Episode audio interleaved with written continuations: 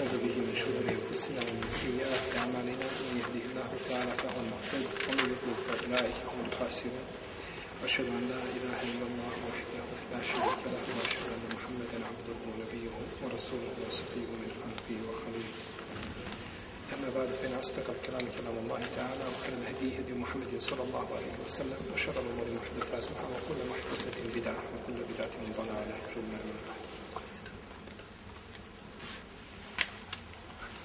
Mi smo zadnji put govorili o ukrasima, znači žene i načinu, znači odjevanja. Između ostalog smo završili to predavanje sa znači odjeća žene pred njenim suprugom. Ovdje ima nekoliko poglavlja koji se tiču a, znači ukrasa, oni su indirektno vezani za njih, a to su to je poglavlje koje se tiče pogleda. Pogled už, čovjeka u ženu koja mu nije mahrem.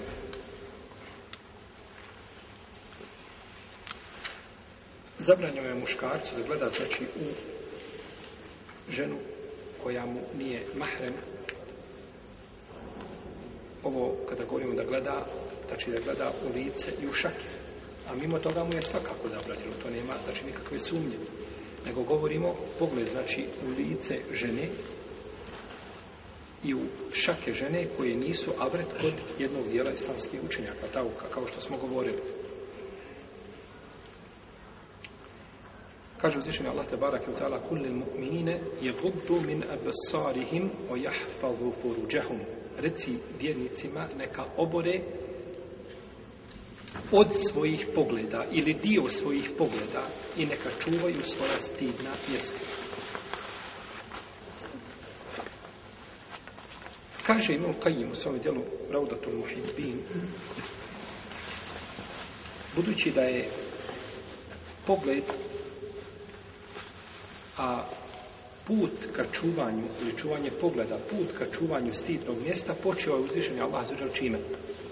Pogledom kulli mu'minina yaguddu min absarihim wa yahfazu furujahum neka prvo obore od svojih pogleda pa neka čuvaju i neka čuvaju svoje stidna mjesta pa je počeo da barak tada jednom stvari da to bude znači preventiva za čuvanje onoga što je u osnovi znači ciljano da se čuva pa je pogled znači nije čuvanje pogleda nije naređeno samo po sebi u redu čuvanje pogleda ni radi, nego budući da taj pogled vodi u nešto što je zabranjeno, sredstvo do toga biva šta? Zabranjeno. U redu.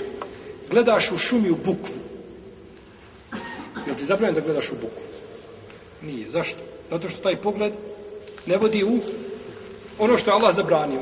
Može samo voditi u to da, da povećaš svoj iman. Tako, subhano, kako Allah zelo stvorio ovaj, o, jeli, sve što nas okružuje najljepše obliku. Pa te to ne vodi u zlo i u zabranjenu stvar. Pa je znači čuvanje pogleda je zabrana sredstva. Ha. Je zabrana čega? Sredstva. U redu. Pa nije uzvišen Allah te barak je otala naredio da se uopćenito obore pogledi, nego kaže min ebsarim od pogleda od pogleda, jer čovjek, znači imamo poglede koji su šerijetski su dozvoljeni. Znači, bit će pogled koji su šta šarijetski dozvoljeni. I nekada ne možemo u potpunosti čuvati pogled, kao što ćemo doći kasnije, pa ćemo vidjeti da ponekad pogled biva ne tvojom voljom, pa ga nisi čuvao. Ali zato se kaže min absarihim, od pogleda. Znači, nije naređeno općenje, jer to bi bilo opterećenje čovjeka mimo šta njegovih mogućnosti. Šta mislite, kažete jednom čovjeku, izađite u Bosni i Hercegovini, u bilo koji grad hoćete. Izađite i čuvajte svoj pogled. Bolje da mu kažeš prekopaj bilašnicu s jednog mjesta i prenesi na drugo. Je tako? Kako ćeš čuvati svoj pogled? Kad gdje god pogledaš, je haram. Je haram. To, je, to bi znači bilo opterećenje mimo mogućnosti, pa uzvišen je Allah zrao, znajući našu slabost kao ljudi, nije nas opteretio onim što ne bi šta mogli podnijeti. Onim što ne bi mogli podnijeti. Pa kaže, je gudu min absarihim neka obore od svojih, znači, pogleda.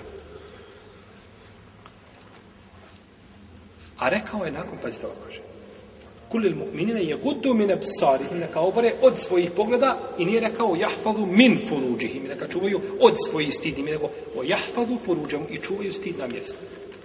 Pa je stidno mjesto, jer čovjek u stanju da čuva stidno mjesto općenito? Jesu. To je u stanju. Ko želi? Nikakve problema nema. Nikakve poteškoće u tome nema. Pa nije dozvolio, znači, jeli, da se čini ovaj, da, da, da, da, se, eh, da se tretira stidno mjesto kao, kao jeli, pogled. Jer je pogled put ka tom nemoralu, pa je onda zabranjen, zabranjeno ono što se može od njega čuvati. A nemoral je znači zabranjen općen. Imamo hadis Ibn Abbas, poznat hadis, a, da je došao poslanik sam da je jahao na devi, na hađu da je bio, pa je za njega bio fadl, brat Ibn Abbas. Pa je došao i zaustavila ga jedna žena da ga nešto pita. Pa je počeo da gleda u nju. I ona je gledala u njega. Pa je uzeo poslanik sa osvijem i okrenuo mu glavu na drugu stranu. Pa je to osuda od poslanika sa osvijem ili potvrda. Osuda. Negiranje znači takvog postupka. Gledaš pa mu je okrenuo. Samo što je poslanik sa osvijem bio blag znači u osuđivanju zla. Ali dovoljno jasan. Ali dovoljno šta? Jasan.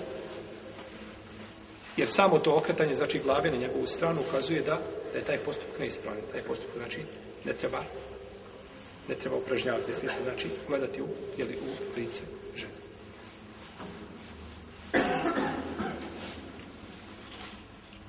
Dalje imamo hadis Jerira ibn Abdullah al-Beđeli. Jerir ibn Abdullah al-Beđeli. Asab, on je primio islam možda dva, tri mjeseca prije smrti poslanika, sallallahu alaihi wa sallam. Kaže, pitao sam poslanika sa osrme o Seltuan Nazratil Fuđa'e. Nazratil Fuđa'e, to je iznenadni pogled, znači koga čovjek usmjeri, pa kaže Resulullah sallallahu alaihi wa sallame fe emareni, kaže, fe emareni en asri fe basari, pa mi je naredio da usmjerim svoj pogled na drugu stranu da ga usmjerim na drugu. Jer to je taj braćo min absarihim, da čuvate od svojih pogleda. Čovjek ne može čuvati sve svoje poglede, to je nemoguće.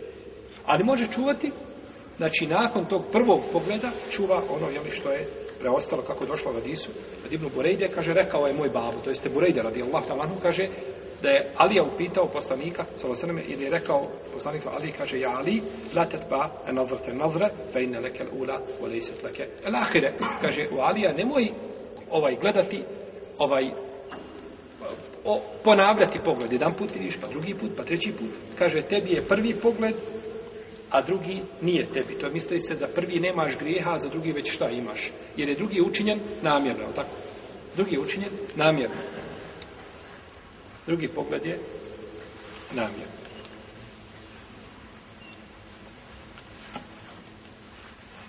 Dozvoljeno je čovjeku da gleda u ženu ako je u tome velika korist.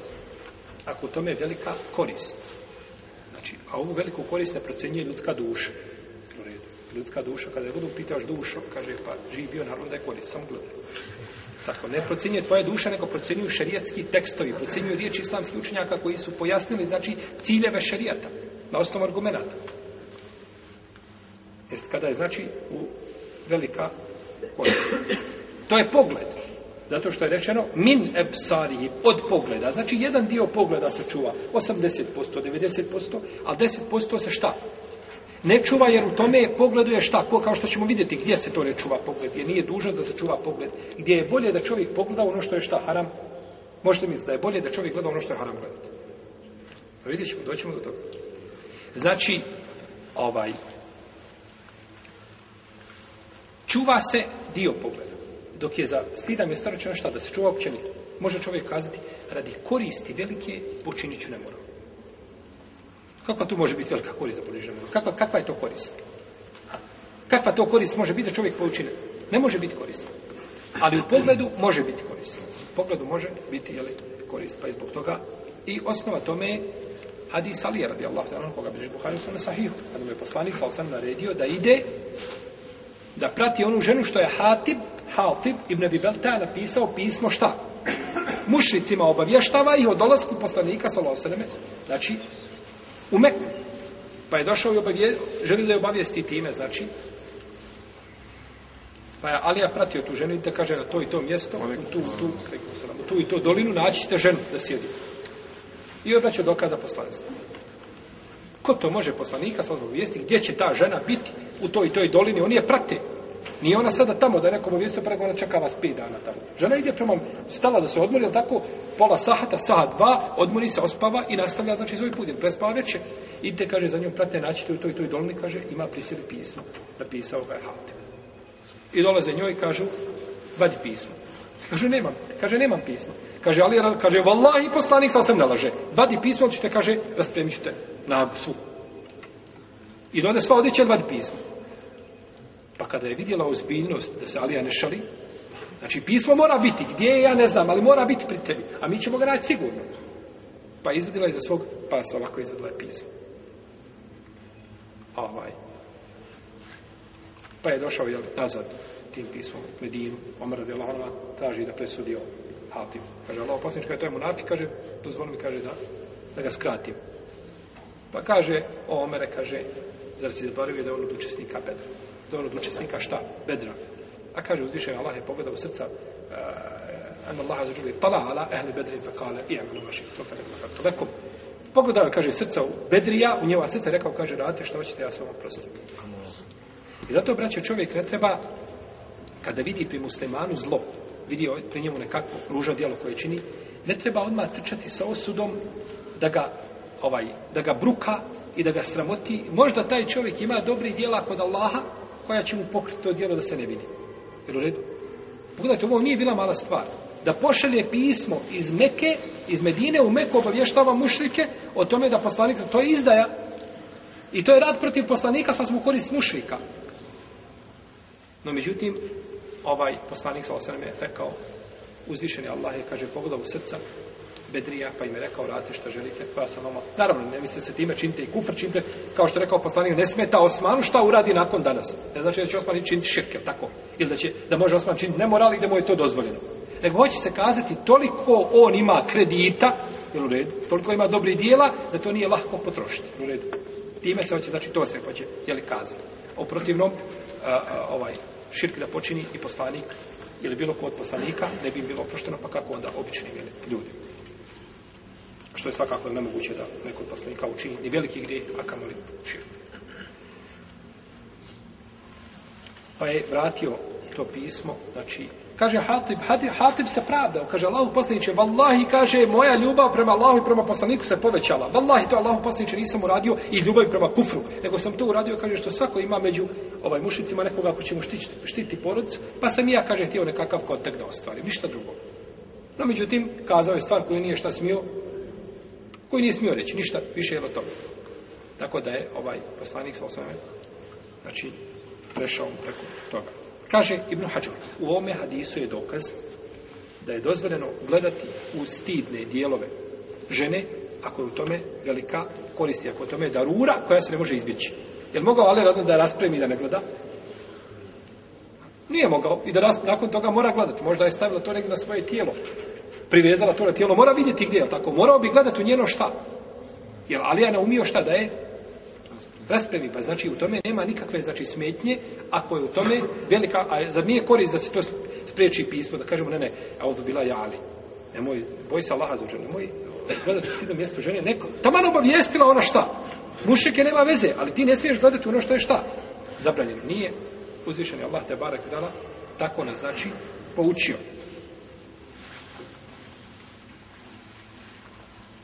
I još od, e, gdje je dozvoljeno da se gleda u stidno mjesto, odnosno u, u dijelove tijela žene, ono što je zabranjeno gledati, kao što kazali, zabranjeno gledati u ženu, govorimo o čemu, u licu i šakama, druge dijelove svakako, u leđa je svakako zabranjeno gledati, ali tako?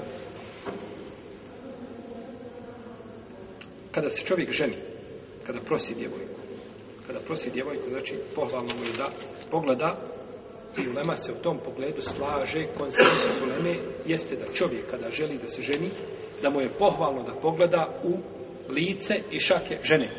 Jel u redu? Nećemo dalje govoriti ništa o ovome pogledu, da li dozvore nešto više od toga ili nije. Islamski učenjaci razilaze, ovo je stav džumhura u leme, a kada budemo govorili o poglavlju Nićaha, je tako, poglavlju Nićaha, onda ćemo govoriti više, znači, kako je dozvoljeno i propisi pravila, znači, gledanja a, jeli, završice ili buduće supruge i tako dalje. Pa je čovjeku dozvoljeno da vidi buduću suprugu, da bi taj brak imao svoju, nakon toga, svoju harmoniju. I tako će se teže pokajati, je tako? Čovjek vidi, dođe jedan put, pa vidi, pa i drugi put, tako treba, i treći put vidi, ima nijeti za ženi. Tako će biti šta? Dalje od kajanja, je tako? A pa međutim, čovjek se oženi, ne vidi mladi. I dođe prvo večer, i od prve večere mu počinje dunjalučki azar, tako? ne sviđa ti se žena, ili pri njenom ahlaku ima nešto, ili, na, na bilo koji način, kako ćeš živjeti s tom osobom? Nije to osoba sa kojom ćeš biti ovaj, radni kolega kada ti je s tobom tri sahata u istoj kancelariji, čupaš sebi kosu kod vidiš na radnom mjestu, tako da. Allah, dragi, ko će danas još tri sata izdržati sa njim? Naporan čovjek teže. On ti radi kolega, možeš ga i otkačiti, jel tako? Jednostavno imati sa njim poslovni nekakav kontakt da kažeš, jel, selam za selami, ovaj predmet do predmet, završeno sve. No, međutim, sa ženom ne možeš tako. Nema tu života. Zato je šerijat dozvolio, znači da se pogleda ono što je u osnovi što zabranjeno da se gleda. Pa ćemo vidjeti kad dođemo do toga da je neka ulema dozvolila da se gleda i više od lice u šaka.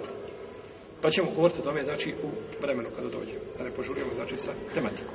U svakom slučaju čovjek kada ženi ženu koju je vidio i koja mu se dopala, onda sa, sa nekakvom uh, ovaj, uh, nestrpljenjem nekakvim očekuje šta tu bračnu vezu i jeli, život sa tom ženom. No, međutim, ako ti dođeš na, uh, znate praću da danas ima u Saudijskoj Arabiji ima mjesta plemena gdje nema ženitbe.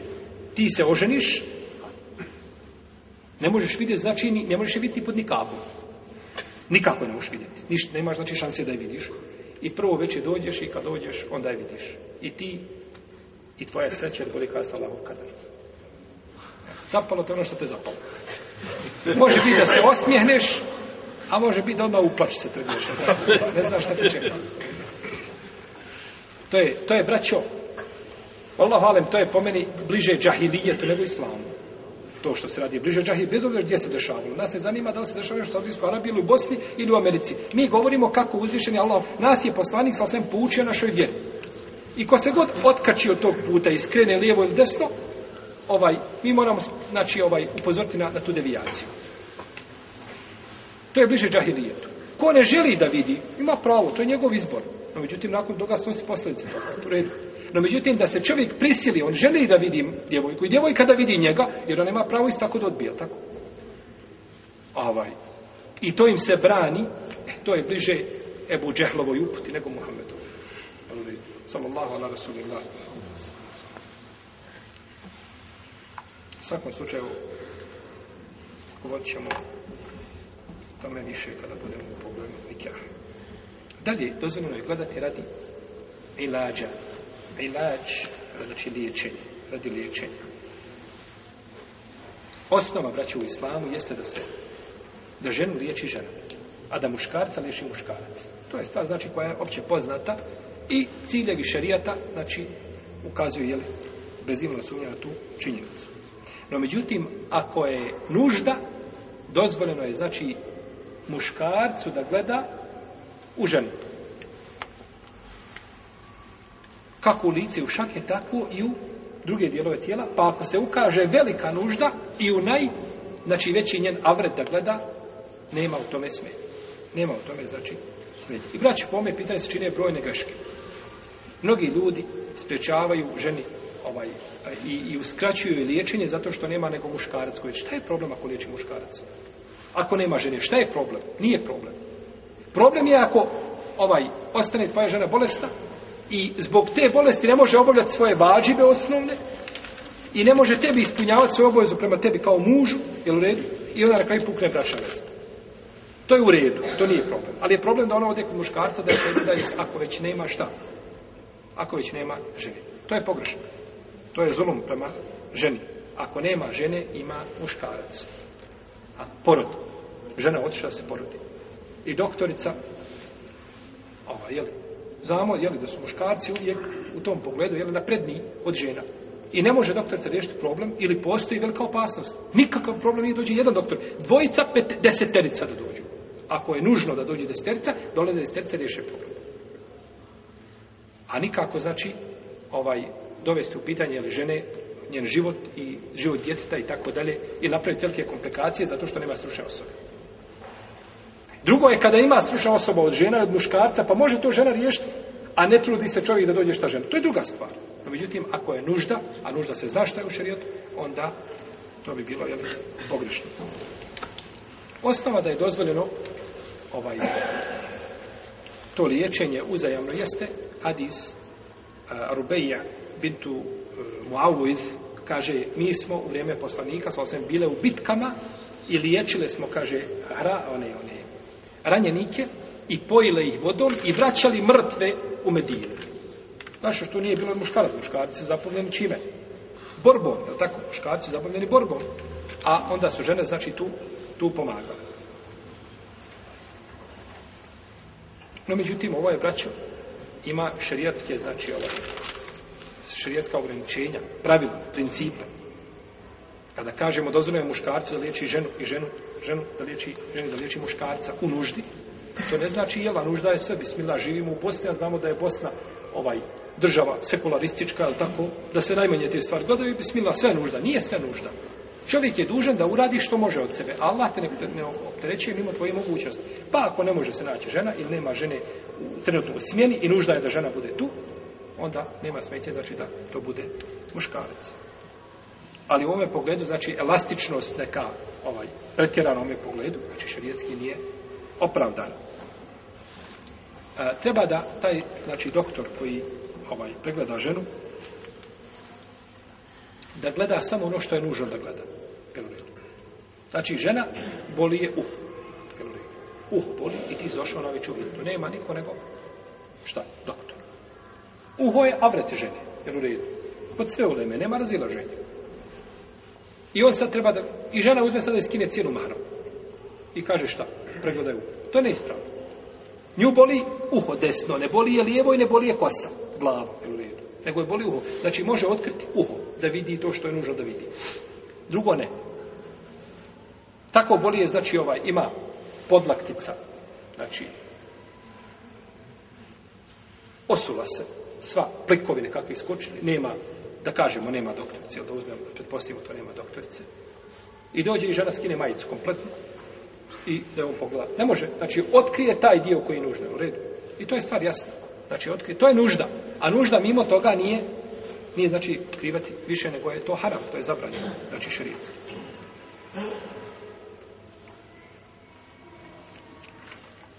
Isto tako, postali su učenjaci uslove da taj doktor bude, znači, ovaj, a, pouzdan čovjek, jeli, i da nema primjedbi njegovoj vjeri, njegovom ahlaku, to je naravno što ako postoji, jer takav čovjek ako ne postoji, onda ima ono što ima. Isto tako da bude pored njega mahrem njen. Ili u najmanju ruku drugi čovjek. Ha, drugi čovjek. Ili da bude ovaj drugi doktor, ili da bude druga sestrica i tako. Znači da nije šta osamnjivanje njih dvojima.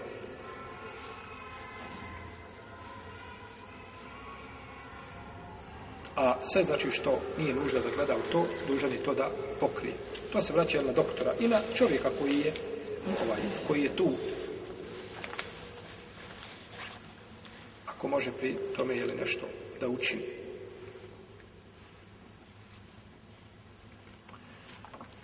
Isto tako uslov je da bude nužda u liječenju. Šta je nužda? Znači nešto što je čovjeka, što mu može napraviti velike probleme, i što može rezultirati znači velikim negativnostima. Ne, žena ima, ima 82 kilo, a 82 kilograma. A uvijek imala 80. Jedan put stala na vagu, kaže subhanala 2 kg i ode kod doktora. Da je doktor tamo, jel? Nemaš ništa ići kod doktora, to nije nikakva nužda. Dva dana možeš sačekati, idemo je ništa jesti, odmah ćeš pasti kilograma. Tako. I nakon toga ćeš uh, dogo, dogovarati se s doktorcom kako ćeš s onim jednim viška. Jel? Ali to nije nužda, jel u redu? ili e, žena nešto je zubi malo pocrnili, znači nije odavno ovaj, i ode odmah kod, kod doktora muškarca. Nešto je muška, to poliranje ili čišćenje zuba, to možete uraditi za 15 dana, za mjesec dana kad urežiš nije problem, tako? Neće, znači, izazvati nikakve negativnosti.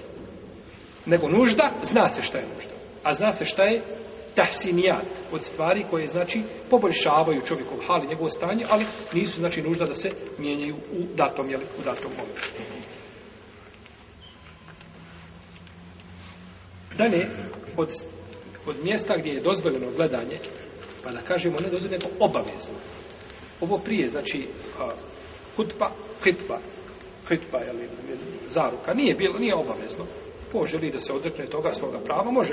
No, međutim, imamo mjesto gdje je obavezno, to je kada kadija gleda, ili šahid, ili onaj, onaj sjedok, gleda u optuženu osobu. Dovediš ženu, žena uradila, belajno. Opljačkala babu. Danas sve žene rade. Sve što muškarci rade i žene su spremne za to. Znači nije spod. I on je vidio nju. Vidio je kako je opljačkala, ne znam. Instituciju nekako. Vidio nešto je opljačkala. I on je nju vidio. I kad ona dođe, kaže, ta, pa kaže, sigurno je ta ovdje bila da gleda mu. Pa dobro, možda nije ta žena. Ti moraš gledati, ne možeš optužiti, ta radi se, o, može se biti u ubijstvu, je tako? Ubila žena muža, tako. Ubila žena muža. I nakon toga on vidio, žena izišla i nosi krvav nož, izišla iz stana. I on je vidio. Kaže, je ona, je ta? Znači, mora je pogledati. Jer radi se, znači, stvari koja je nužda, moraš gledati. Ne možete više kazati, ja, ja se bojim Allah zunđa da ja gledam u lice žene. A i kad ja isto tako mora gledati, znači, kome daje presud? Mora gledati kome daje, jel, presud. Pa su to sve stvari koje se tretiraju nuždom. Neka ulema je dozvolila ovaj prilikom ovaj određenih eh, post, eh, kontakata između muškaraca i žena, znači kupovina, prodaja i tako dalje. Kažu i tu je nužda nekakva da se gleda, no međutim ta nužda je u da ovaj, iako jeste nužda, onda se gleda tamo gdje je nužda ali da nužda dođe, da dođe žena kupuje od čovjeka i gleda u njega i on gleda u nju, znači pričaju jedno sa drugim. Dobro, doćemo do pitanja gledanja žene u muškarce. To nije nužda. Ako postoji nužda u tom momentu, onda to bi bila nužda. Uprotivno, ne bi se tretirala, ne tretira se nužda.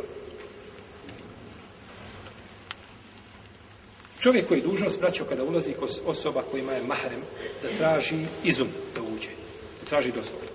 Ulaziš kod ovaj sestre u kuću ulaziš, nema toga upadanja sa vrata i tu. Eto te. Ja znam, znači, mjesta u ovoj našoj Bosni, gdje komšija uđe u kuću, ništa ne, ne kuca, ne zvoni, ulazi i direktno ti dolazi u kuću. Vi ste vratno čuli za to? Ni, niste čuli, ko nije čuo bolje? Znači, ima mjesta, komšija ti uđe i samo kad uđe kaže, eh, kako ste narode? S vrata tamo. Znači, ti kakav ćeš hal zateći u toj kući, samo Allah znao. Komšija nikakve veze nema, niti je on rođak, ništa nije, tako da je rođak nikakve, opet je zabranjeno. No, međutim, kojim pravom ulaziš tako da ne pozvoriš, da ne pokucaš, da upitaš i male bujroma, jel tako? Ništa, nego samo sa vrata ulazi direktno, znači, u, ako treba uspavaću sobu, on će u oposobama odati dok te ne nađu. Mi bismo voljeli da to nije tako, međutim, to je tako na žalost. To je tako na žalost. Mi smo govorili, braću, da šta je avret žene pred mahrem. U redu. Avret žene pred mahrem, o tome smo pričali. I čovjek koji je duža, znači kada ulazi, da traži dozvolu. Jer može vidjeti tu svoju tu osobu u halu i stanju, da se vječno stidi te osobe, o tako? Majku vidiš, sestru, tetku vidiš u halu i stanju i da se ona tebe stalno stidi ti nje da se stidiš cijelog života. Znači, treba, bez odreda, to treba tražiti izum. Naročito, znači, kada se djecu poučaju, da će ulaziš, spavaći u sobu, djete ne može uvijek dok ne nauči da ne pokuca. A, djete upada u spavaći, ulazi iz sobe, iz sobe prelazi kao da je to sve. Ne, u spavaći u sobu, kad ulaziš naročito, moraš kucat, ne možeš učiti ga, znači, od tri godine. Ulazi da mora samo da trcka na vrat. I kad mu ti otvoriš, onda da uđe, ako mu kažeš uđi, uđi. Znači, da djete upada tako, znači, u sobu vrata i upada, to je zabranjeno. Kaže Alkame, da je došao čovjek Abdullah ibn Mesaudu, kaže, hoću li tražiti, kaže, dozvoro da uđem kod moje majke, tako bi ležvan Buhari u svom djelu na debul mufrad. Hoću li, kaže, tražiti dozvoro da uđem kod svoje majke, pa mu kaže, zar bi ti volio da vidiš svoju majku u svakom stanju? Insan, jel, kada je u svome, u, ovaj, u spavaćoj sobi, raskomoćen, spava, odmara, naravno, jel, može se i raspremiti, tako dalje, skinuti odjeću sa sebe, tako da ga ne može u tom halu vidjeti, osim supruga i obratno. Pa je, znači, kažemo, Abdullah ibn se odbilo volio da vidiš svoju majku u bilo kom halu. I došao je čovjek Abdullah ibn Abbas, kako prenosi Ata, kaže, imam, tražio sam, kaže, tražim dozvolu, kaže, moram tražiti dozvolu, uđem kod sestre u kuću. Kaže, moraš. Kaže, ako su dvije sestre u jednoj kući, moram opet tražiti dozvolu. Znači, kaže, bi li volio da ih vidiš bez odjeće? Bi li volio da vidiš svoje sestre bez odjeće? Kaže, uzvišćen Allah, te barek tala, ja i ono ledine, amenu, lijeste tinkum un ledine, a jeste jeste tin kum ladina malaka taiman kum ladina lam yablugu alhulm minkum thalath marrat kaže ovo vjernici neka od vas traže dozvolu da uđu oni koji vidrži to svoje posjed misle se robne i oni koji nisu doživili punoljetnost tri puta min qabli salati al-fajr wa hina tad'un thiyabakum min al-zahirati wa min ba'di salati al-isha thalatha awratin lakum prije sabaha i popodne kad se odmarate i posle jaci ta tri posebno ta tri vremena znači kada insan je ili to je znači vrijeme kad odmaranja spavanje prije sabaha ili je ovaj uh, je li posle podne kad lula a, ili je ili ovaj najveće znači posle jacije kada se odmah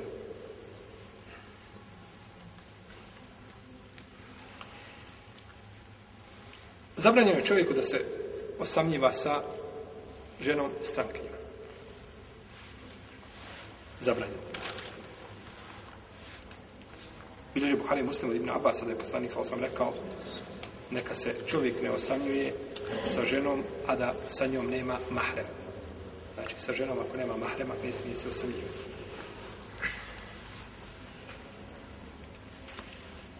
No, međutim, ako pored njega ima još jedan čovjek, tada mu je dozvoljeno da dvojica muškaraca uđu kod jedne žene. Tada je dozvoljeno. Došao od Isa Abdullaha ibn Amra da je skupina od i on u Hašima došla kod Esme bintu Umeis. Esma bintu Umeis. Ova Esma bintu Umeis, časta sahabika. Ona je bila prvo, bila za Džafaru, Ibn Vitalim. Pa je potom, kada je Džafar ubijen, udala se za Ebu Bekra. Ona je bila za Džafarom tri dana. I Džafar je otera od sebe. Neće više kao žena. Nakon toga dođe Ebu Bekr i oženi Ebu Bekr. I bila kod Ebu Bekra sedam dana. I Ebu Bekr je otera.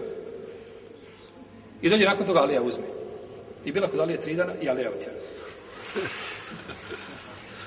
Tako su braćo, mislim, mi moramo govoriti, ali mi moramo, istina je istina, mora se kazati. Ashabi su, kada su u pitanju žene, tu znači nikakvi pravila nije bilo. Uzme je dan, vrati je drugom, drugi je trećem, šutaju je, znači kako su htjeli. Tako rade ashabi, ja govorim ashabima 15. i 20. stoljeća. Ne govorim ashabima prvim. Ne govorim ashabima koji se smatruju ashabi u kom stoljeću? 15. hiđarskom stoljeću. U redu. O tim ashabima govorimo. Tako ashabi u 15. hiđarskom stoljeću rade. Jedan oženi žen i živi sa njim. Drugi je već došao na njegovo mjesto kao lešinar. I čeka da je ovaj razvede. Jer zna da u osnovu ovaj nije bio ozbiljan kada se ženio. Pa tako? I kada je ovaj razvede, ovaj dođe, jeli, ovaj je došao i ranio srnu. I ona onako sama, lijevo, desno, oda, nestabilna. I onda on dođe kolešnar, kaže, evo mene, ja sam, ja sam lijek. Ja sam alternativa. Ja sam ti prijatelj. I on je uzme tri dana.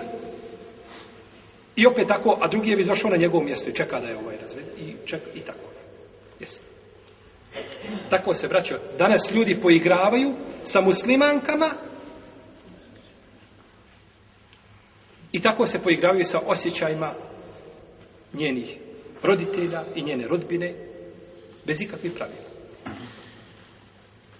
Džahilijet. To je džahilijet.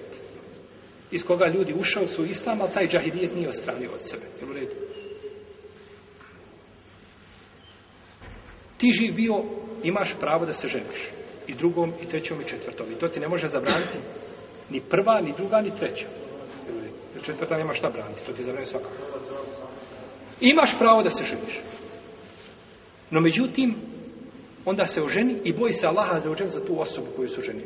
A ne oženiš je tri dana i dok nešto nije u redu, spakuješ je i vratiš je njim roditeljima. Kažeš, nije to ono što sam ja očekivao. I onda drugi čeka tamo da je negdje preko interneta vjenčan.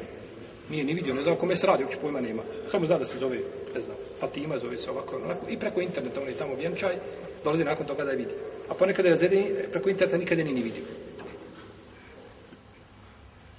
To je džahid, to je, to je Ebu Džehlov put.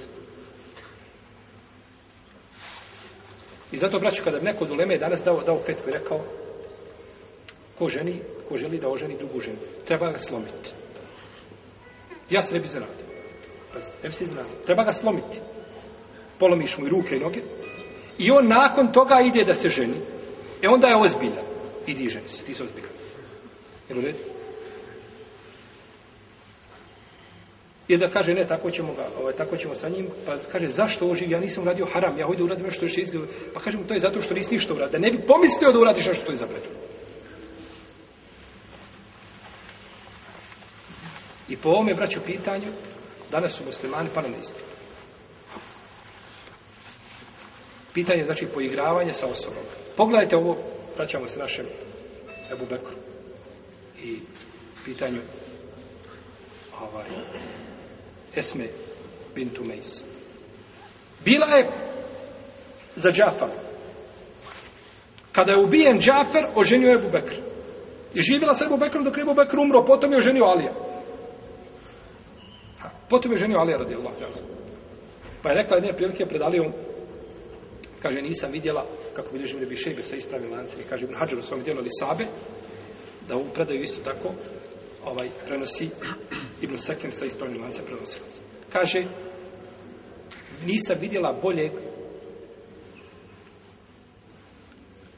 mladića od Džafara.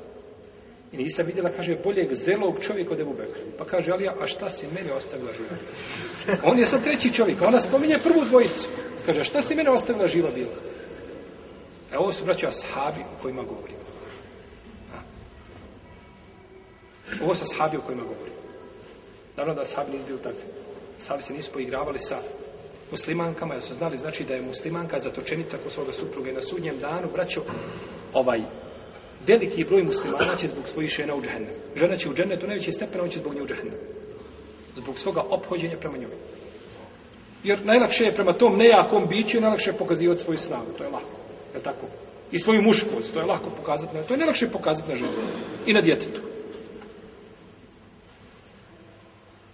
A gdje si ti da pokažeš svoju muškost kada, kada je u pitanju držanje za Allahovu vjeru i za put poslanika i za istrajnost o tome? Nemate nigde na mapi. Kada bi te htjeli vagnuti ovaj, e, šerijatskom tom vagom, ni vaga na zlata te ne bi prepoznala nikako. Ne bi se promijela, ostalo bi 0,0, isto bi ostalo uvijek. Možda boš u minus. Možda boš u minus. Kaže, ali ja šta se kaže, mene ostavlja kaže, pa zamisli se, kaže, kakav si ti ovaj, ovaj, kad imaš ovakvu dvojicu ispred sebe. Kaže da si drugo nešto kazalo, oni dvojici, kaže, imala problema sa mnom. Puno ti ja, rob, kakva je, to, kakva je to iskrenost, kakva je to, kaže, drugačije u Ebu Be, o, o, o, o Džaferu i u Ebu Bekru nismo mogli ništa, nismo mogli ništa drugo ni kazati pred mnom, u mome prisutu. Pa je u me, ovaj, uh, eh, sma bitu u mejs, znači, bila je za znači Abu Bekru je lockdown anha pa je došla su kod nje dvojica ljudi pa je došao Abu Bekr i kaže Allahu poslanice kaže ja sam tako i tako vidio bila su dvojica ljudi tu pa je poslanik sa osreme kaže Allah je nje očistio od toga pa je popio sa mimber i rekao neka ne ulazi kod znači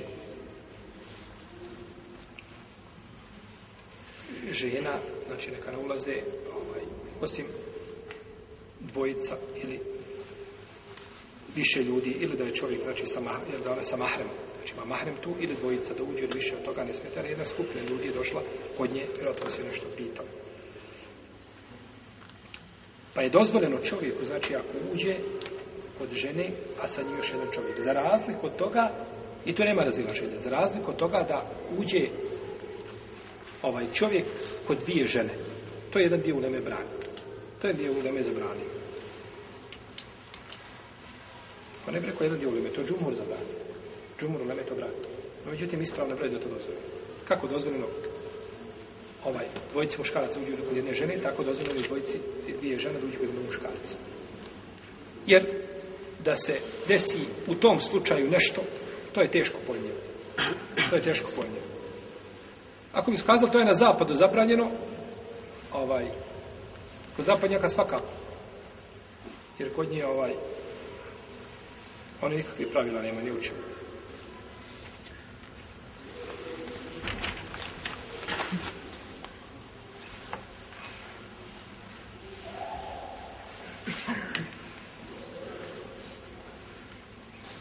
Dozvoli, jedan dio ulemej dozvoli čak ovaj da, ako je žena bolesna strankinja, da je muškarac posjeti, naravno da to ne bude osamljivanje opet i obratno, no međutim,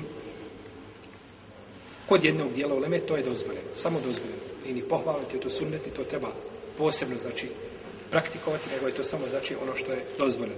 Iako je bez sumnje, ako nema sumnje, ako u tome nema korist, da to preče izbjegavati. Do tome može biti samo šta. Pogled žene u muškarca koji nije mahrem. Znači, prvo smo pričali o čemu? Pogledu muškarca u ženu. Sada pričamo o pogledu žene u muškarca, u lice muškarca. Po ome pitanju, ako je sa šehvetom pogled, svakako je haram. U kom god kontekstu gledali, u redu. Žena muškarca ili muškarac žena. No, međutim, ako je ako žena gleda u muškarca, ali nema, znači še nema prohtjeva, što je isto tako opasno. Jer kada čovjek zna da imaju prohtjeve? Kada sazna? Kada nakon što pogleda, je tako? Zna da, da, da, ovaj, je tako? Da imaju prohtjevi nakon što šta? Ne može dati prije toga. Ima, kaže, tamo ima žena, i ako pogledaš, on zna, znači da imaju prohtjevi ako šta? To znači da čovjek zna po sebi. Zna svoju slabost i ne gleda tamo gdje imaju zabranju gledati. Jel red? Jer ti ne možeš to znati osim nakon što, šta? Što pogledaš? Znači to bilo ispitivanje, je tako? Ne, nego znači, ovaj, da je, da je to preče, jel, izbjegavati. No, međutim, jedan dio uleme dozvolio je da žena pogleda u lice muškarca, ako je, ako zna da neće biti u tome, kažemo, tu se ulema podijela, podijela s mišljenjem i radi emaneta naučnog, spomnijemo, znači, jedno drugo mišljenje. I to dokazuju, znači, ovaj, hadisom Ajše, radi Allah, da je gledala iz sobe kako se habešije igle, igraju u džami, kako se igraju, ne igraju se, nego, nego vježbali su tamo, vještine ratne i tako dalje. Nisa sahabi igrao. Ovaj. Nego su vježbali, Pa je ona gledala preko ramena poslanika sa nosem. No međutim imali razlike da gleda u džami i tamo negdje skupina ljudi igraju i kreću se lijevo desno i u tome je da dođe blizu čovjeka da gleda u njegovu facu. Pa tako da je razlika. To je razlika. To su pokret, to slike, znači da čovjek ima skupina žena ovako da pređe očima preko nje. To je drugačije nego da dođe šta je da zaburi se u lice jedne žene da gleda u nju. To je razlika velika. Znači što je, što je veća udaljenost ili manje, ovaj, žena ide, od, ide žena, na primjer, ovaj, daleko, iz daleka ide, ne, ne može poznati lice, ništa. To nije isto kao da dođe čovjek gleda u lice žene iz bliza. Kažu neki učenjaci, ovdje Aisha radijallahu talanha nije bila punoljetna. Nije bila punoljetna, tako, pa kažu nije bila dozvoljena šta da gleda. Ona je kaže, je bila, ovaj, došla u nekim, da je bila, kaže, a ja mala djevojčica. Kaže, zamislite, kaže, pa ona je čekala Allah, pa, kaže, poslanik gleda, kaže, jel ti dosta? Kaže, nije čekala Allah, poslanik. Pa je opet, kaže, jel ti dosta sad? Kaže, nije još Allah opasnik, čekaj, može žurti, kaže. A nije htjela, kaže, nisam imala potrebe, nego hoće, kaže, da ispitam kako je, kaže, moje mjesto kod poslanika, koliko se može strpati sa mnom, tako? Tako, to je bio, jeli, vid ispita, pa poslanik sam nije stio micati dok ona se nije zasitila. Pa kaže, zamislite kakvo mjesto ima jedna djevojčica kod poslanika sa osrme, jer u tom stanju je Kaže, ona tad nije bila još udala se za poslanika, nije znači bila stuplo, ona ovaj, je bila malo djeta kada se, kada se vjenčali, ali tek nakon, jeli, svoje punilice ste stupili, znači u život.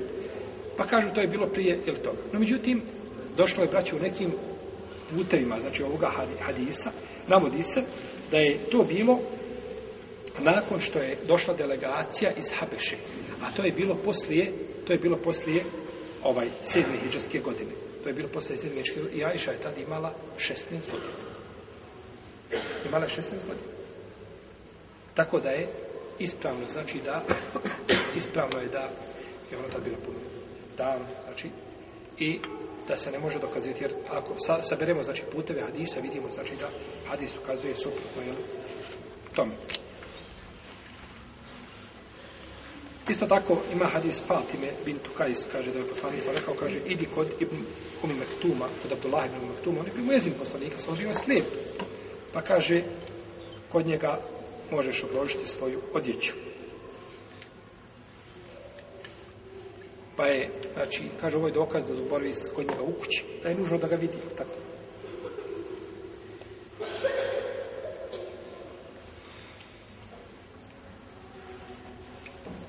Dakle, ovo je svakako uslovno vraćao da nema, znači, fitneta, da nema, znači, tu nereda, da nema tesada protivnom je to svakako zabranjeno. Kod one uleme, kažemo, kod dozvoljavaju, koji brane, svakako je zabranjeno.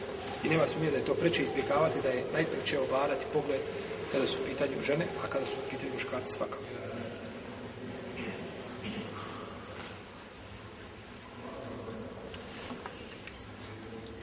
Ovdje autor spomenuo pitanje rukovanja.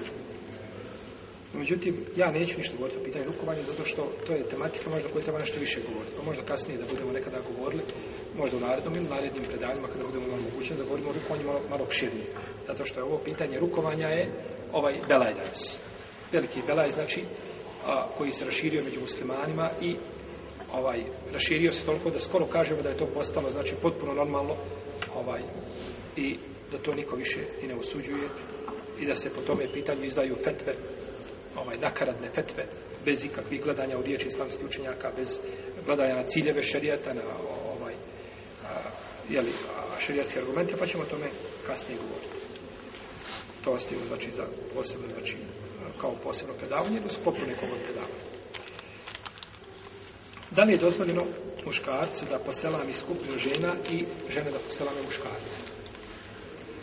Haram je muškarcu, braću, da poselami ženu i haram je žena da, haram je da žena poselami muškarica. Ako je taj selam popraćen rukovanjem. Ako je selam šta? Popraćen rukovanjem. No međutim, ako se radi o čistom selamu, selam, radi se o selamu riječima, da kaže selamu alaikum, i da on govori alaikum selam, tu postoje kod islamskih učenjaka razilaženja ono na čemu je džumbu u leme jeste dozvoljeno da je dozvoljeno nazvati selam. Selam je, braću. Pozdrav. A, meleki su poučili, pa sam nekada stvorio Adema, rekao mi, idi, kaže, jednoj skupini meleka.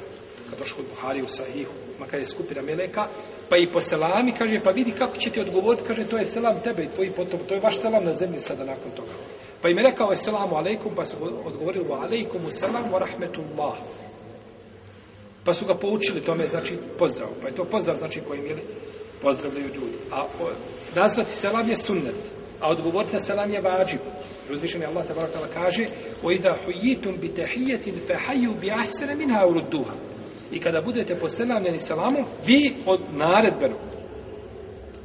فَحَيُّ بِعَحْسَنَ مِنْ هَوْرُ Vi odgovorite, pozdravite, znači boljim pozdravom. Kad neko kaže salamu alaikum, kaže alaikum salamu rahmatullahi, alaikum salamu rahmatullahi, alaikum salamu rahmatullahi, alaikum salamu rahmatullahi, alaikum salamu rahmatullahi, alaikum salamu rahmatullahi, alaikum salamu rahmatullahi, alaikum salamu rahmatullahi, alaikum salamu rahmatullahi, kako došlo u jednoj predaj, ovaj, postoji razilaženje oko njene ispravnosti. Kod je Budavu da je predaj sa dodatkom u magfiretu.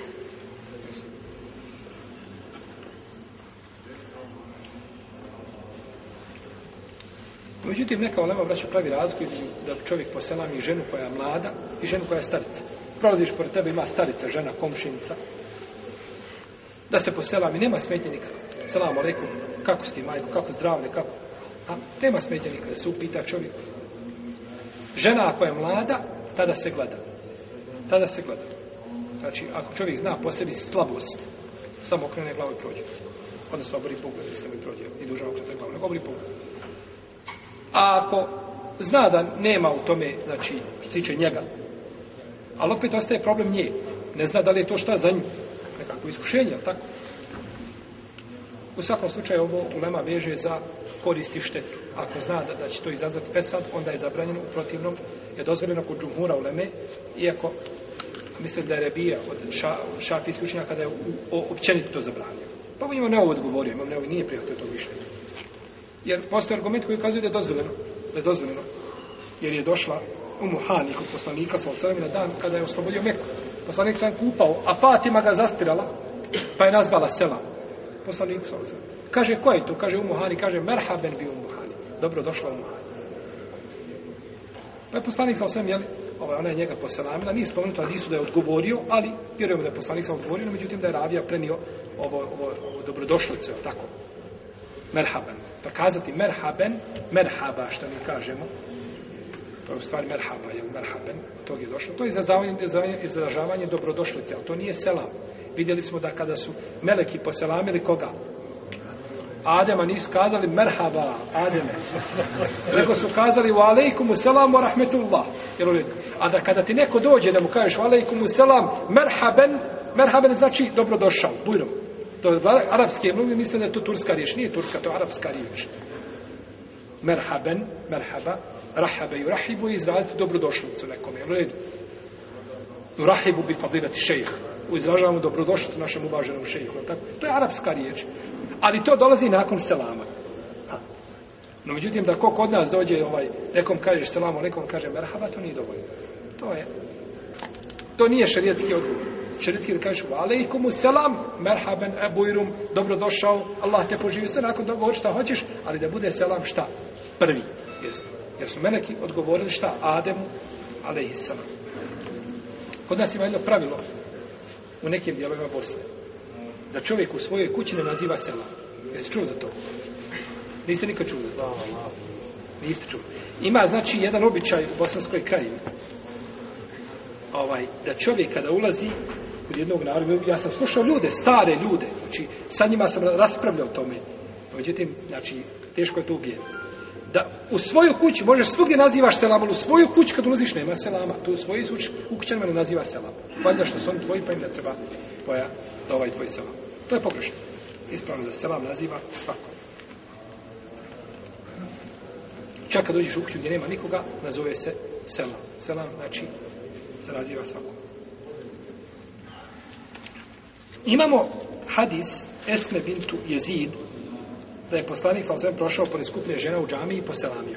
Međutim, hadis je, Emilom Tirmizi kaže da je, da je, da je dobar. A šeha Albani u jednoj sam njegovoj dijelu našao u Sahih od Albumu, kad kaže da je, da je, da, da je dajiv. U sada je Sahih. Ako Tirmizi u njegovom sunenu, jer on je valorizirao cijeli sunen, sve četiri sunena, kaže da je, da je ovaj dajiv. Pa Tirmizi kaže da je Sahih na drugom da je dajiv, da se šeha vratio, ima on posebno djelo, ovaj, nisam sad se sjetio, ovaj, ima on posebno djelo gdje se vratio sa hadisa, neki hadis ocjenio sahih, pa onda kaže zdajif, ili daif, pa kaže do sahih, ili hasan. Ovaj, nisam, nisam, nisam se uspio vratiti da, da vidim da li se on zaista povratio s tog mišljenja i koje je njegovo zadnje, znači konačno, koje je njegovo konačno mišljenje. I ovo je, braću, pitanje slično pitanju hedije. Da li da muškarac pokloni ženu hediji, e, ženi hediju, ženi, ženi stranki, da li ćeš komšinici koja ide u četvrti razred srednje škole poslat hediju. Evo redu. Vraća se na šta? Na mlada žena, fitnet za tebe, tvoja hedija je fitna za nju, može biti. Vraća se, kažu, na šta? Na koristi na štetu. I to treba, znači, ograničiti. Ovaj, samo, znači, tamo gdje je insan siguran da neće, jel, biti fitna. Jer poznali, kažu, Adisu, tehadu tehabu, e, dajte hedije jedni drugima, voljet ćete se taj hadis je daiv, ali ima puno različitih puteva, inšalno treba da je, da je mnoštvo tih puteva da ukazuju da je hadis hasan, da se može prihvatiti. I e ti kažeš sada, gdje god vidiš mladu ženu, tehadu, tehavu, i šališ hadije, to je neispravno. Nego to je samo znači u slučaju da, ne znam, komšija je dobar se sa komšijom, on ima kćerku koja je završila uspješno fakultet, ne znam, diplomirala, ovaj, ovaj, ili neku drugu stvar koju je uradila, znači koja, koja je, je li za, da pohvali za čestitanje, ovaj, da čovjek pošle hediju, neće smetiti, i u tome nema iša obdala se. Dozvoj isto muškarcu da priča sa ženama s odnoševjetskim, znači pravilima i postankama, znači da ako je potreba da se razgovara, u tome nema smetnje jer ispravno zaglažen je nijavret. Hvala blažene nije avret, znači nije stidno mjesto, nije stidan, jeli? Osim ako žena priča tako da time svi svojim glasom, znači, budi ljudske strasti ili da privlači muškarce i tako dalje, ovaj, to je zabranio. To je zabranio Tebara Kjotala ženama poslanika. فلا تخدان بالقول فيطمع الذي في قلبه مرض i nemojte svoj govor istanjivati kada budete pričali pa da se probude strasti u dušama oni koji imaju bolesti u svom srcu ali kaže wa ida sa'altumuhunna mata'an fas'aluhunna min wara'i hijab a kada budete od njih nešto tražiti tražite iza zastora pa je dozvoljeno šta ta komunikacija je dozvoljena znači nema o tome nikakve nema o tome nikakve smetnje vi znate kada su došle ovaj one dvije djevojke, kaže se u Šuajba, da su došla mu Sao, ali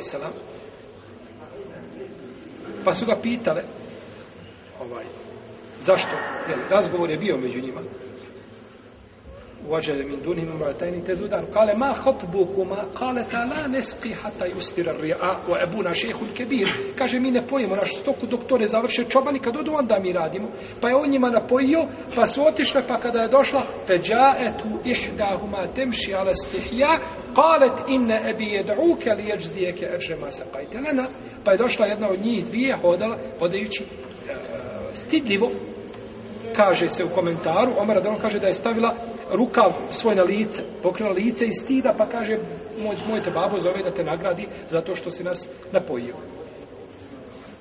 I pa su išli usput, pa je Musa Alisan časkao cijelo vrijeme, tako? Nije, nego kaže Musa, a, Musa Alisan kaže, a, kaže, ona je njemu rekla svome babi kući, kaže, ja ebetiste džir, inne hajre meni ste džertel kaujul emin, kaže babuška naš, iznajmi ga, najbolji je čovjek koga možeš iznajmiti, onaj koji je povjedljiv i koji je jak. Kaže Ulema, znali su da je jak zato što je skinuo sam kamen s onoga bunara. Kad su pastiri završili sa bunara, oni su stavili kamen na, na, na, na, ovaj, na bunar. Šta će žena sa kamenom?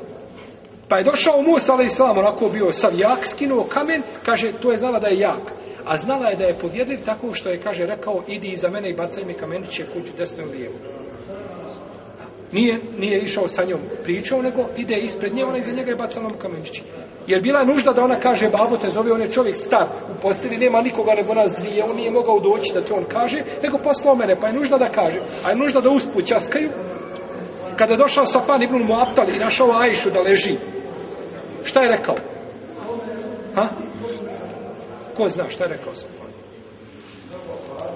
Reci.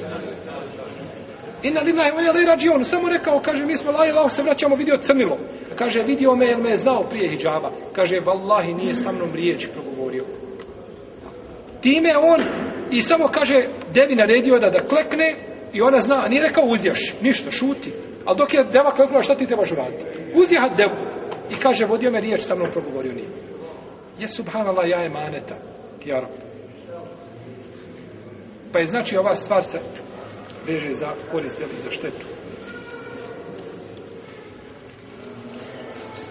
Kada je poslanik sa osvijem bio bolestan, a došla je Fatima i kaže, teško se mom, te, muke moga oca uhvatile. Žali se, jada se, sama se, kaže, čerko moja, nema, kaže, tvome babi muka posle ovoga dana. Sallallahu ala rasulima. Pogledajte, braćo, ovaj hadis je od dokaza poslanstva. I ja vas pitam, može li čovjek koji laže na Allaha i izaziva i prigovara, priziva da je on nekakav poslanik, da je došao nekakvom risalom, da, da, da, da, može li on na smrtnim poslanima, poslanima ovako govoriti?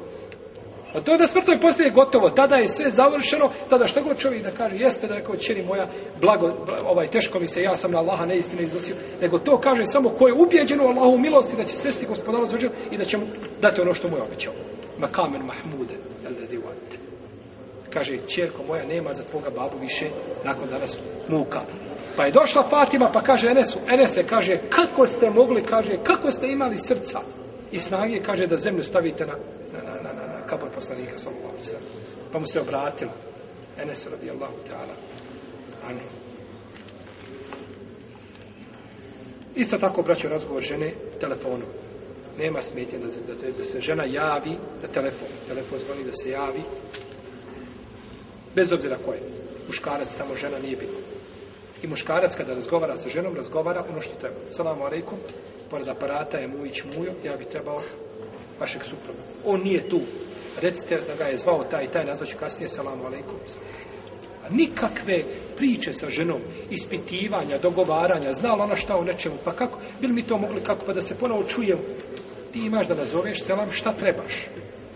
Kratko, jasno, i to riječnikom, braćo, službenim službenim rječnikom bez istanj, bez ubijanja glasa bez istanjivanja bez salamu alaikum pored aparata je taj i taj ja bi imam ima problem taj i taj želio bi to i to kratko znači po tačkama što trebaš nije suprug tu kada dolaze oni su pet ja ću nazad nakon toga Allah spožigio salamu alaikum sam